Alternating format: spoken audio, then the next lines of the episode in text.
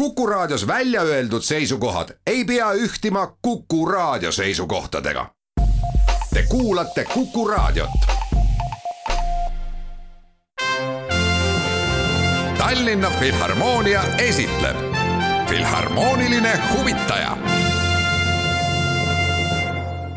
tere päevast, hea meel on teid tervitada Tallinna Filharmoonia poolt see keeruline aeg on nüüd selleks korraks lõppemas, nagu ka Terviseamet meile kinnitab, siis koroonaoht Eestis on vaibumas ja saab hakata jälle ka koduvälistest asjadest rõõmu tundma nii ootab ka Tallinna Kammerorkester teid koos dirigent Tõnu Kaljustega osa saama väga erilistest kontsertidest, millesse on Kaljuste põiminud Haydeni abiga geniaalselt omamoodi ka ühe ülistuse, kui nii võib öelda, karantiini aja lõpule ja vabadusele taas elusat muusikat esitada. hea meel on tänases saates tervitada Tallinna Filharmoonia kunstiline juht Tõnu Kaljuste, tere päevast! tere päevast! me pidime Tallinnas kohtuma, aga tuulel on oma tujud ja, ja te olete pisut saarel lõksus, kuidas seal praegu ilm on?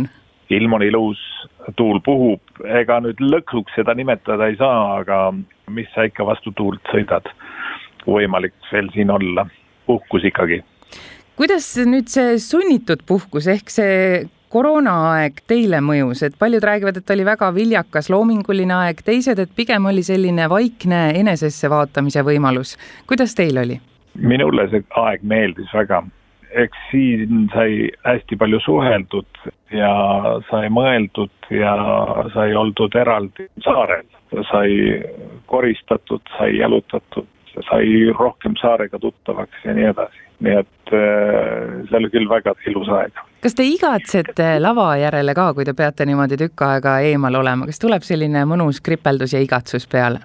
Need kripeldused tulevad alati peale, kui tuleb mingi idee ja tahad teha mingit kontserti, millel on midagi sees, millega tahad midagi jälle öelda. või on mingisugune teos, mida tahad ilmtingimata ise dirigeerida ja selle kaudu jälle midagi öelda, nii et eks ta ole eneseväljenduse osa. kuidas selline paus orkestrile on mõjunud? Ma arvan kindlasti viljastavalt, sellepärast Tallinna Kammerorkester oli rahvusvaheliselt väga äh, fookuses ja seda Pariisi kontserdit, mida me nii kammerorkestri kui Filharmoonia kammerkooriga tegime Pariisi Filharmoonias, mängiti Metso kanalis õige-õige mitu korda, vist just üle neljateistkümne korra.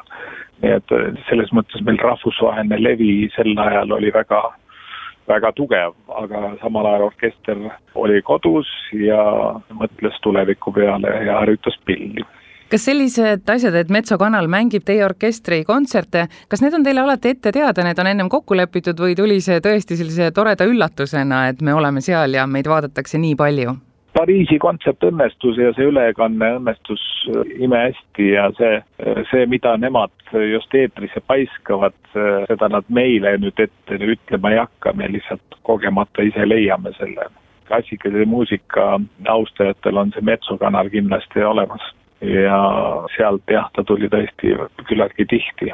see otsus, mida esitatakse, kuidas see sünnib, seda ma ei tea. aga nüüd on siis äh, igal juhul võimalus ka tõepoolest äh, elusast peast nii-öelda kontserte anda ja te olete ühe väga nutika muusikalise nagu tagurpidi käigu peale tulnud, mis rõhutab äh, koroonakriisist nagu pääsemise rõõmu. mis see on siis täpsemalt?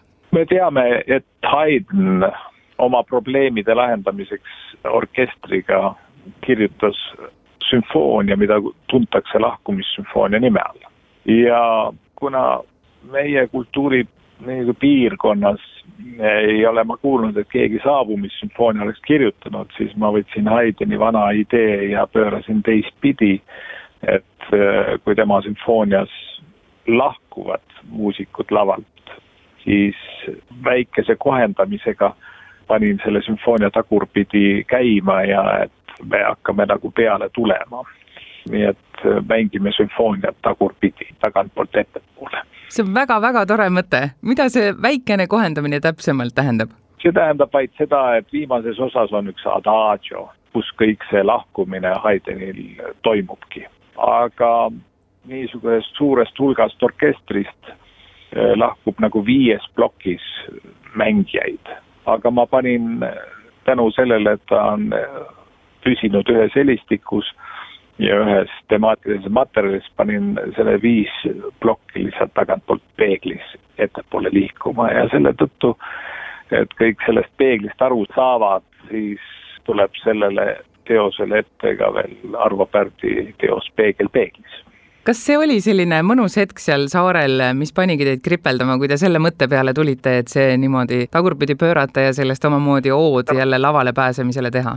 no vaadake, see on omamoodi ka mingil määral tänu selle eest, et lõppude lõpuks linn hoidis neid muusikuid ilusti palgal sel ajal. meil, me ei teinud mingisuguseid kärpeid ja see on omamoodi niisugune väikene noh, niipidi kohusetunne tiivustas taolisele mõttele, et peab nagu üle-eestiliselt rohkem välja tulema oma kontsertidega, kuigi me oleme Tallinna kollektiiv, tahtsime minna Tallinnast välja ja teha väiksemates kirikutes midagi ja tulla inimestele lähemale.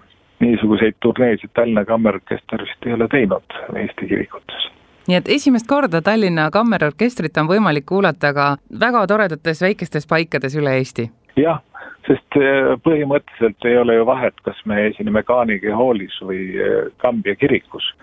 et äh, muusikud on samad ja muusika on ka sama kvaliteetne, nii et parem on ise kuulata, kui lugeda lehest, et nad mängivad seal kaugetel kontserdisaalides ja tuntud solistidega, nii et me tõesti püüame olla veidikene nüüd rahvale lähemal. mis peale selle geniaalse tagurpidi Haydeni kavas veel on? Arvo Pärdi teosed.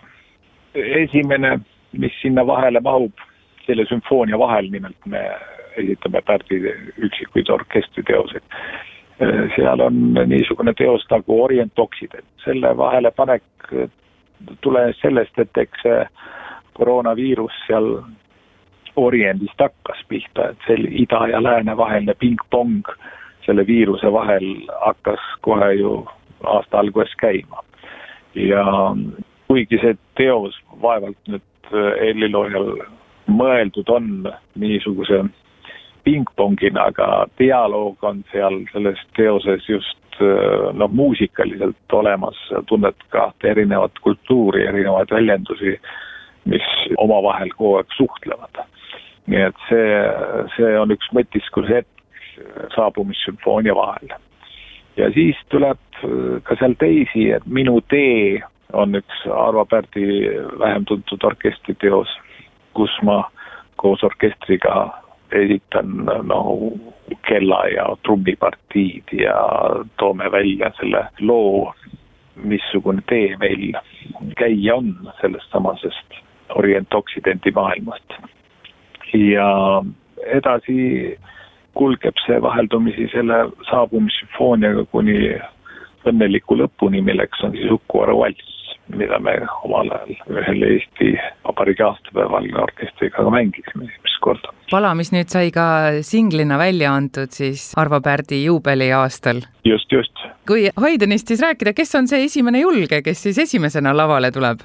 esimesena tuleb Leho Karin, kes mängib Peegel peeglis koos Marit Keretsiga ja siis hakkab talle juurde tulema kontsertmeister Harri Traksmann, siis tuleb sinna juurde veel rida teisi kontsertmeistreid. ma usun, et need saavad väga-väga toredad kontserdid olema ja eriti hea meel on tõesti sellest, et Tallinna Kammerorkestrit on võimalik ka nüüd kuulata väljaspool Tallinna ja neid suuri kontserthalle, kus te, ma ei saa küll öelda, et päris tavalised külalised olete, aga kus te pigem esinete. nii et head kuulajad, juba seitsmeteistkümnendal juulil olete kõik väga oodatud Tori kirikus ja sealt edasi Lihulas, Hageris, Kambjas, Otepääl Arvo Pärdi keskuses. Need kontserdid äh, algavad siis seitsmeteistkümnendast juulist ja kestavad välja kuni viieteistkümnenda augustini, mil on siis õhtul Tallinna Jaani kirikus see kontsert. loodan, et leiate kõik selle õige õhtu ja paiga, kuhu teil on kõige toredam minna. ja Tallinna Kammerorkester, solistid Leho Karin, Marit Gerret Straksmann ning dirigent Tõnu Kaljuste ootavad teid väga. suur tänu teile, Tõnu Kaljuste, selle toreda mõtte eest ja kindlasti tulevad head kontserdid, ma usun, et need teevad rõõmu nii muusikutele kui kuulajatele. suur tänu! head kuulajad, toredat päeva jätku ja kõike head! Tallinna Filharmoonia esitleb Filharmooniline huvitaja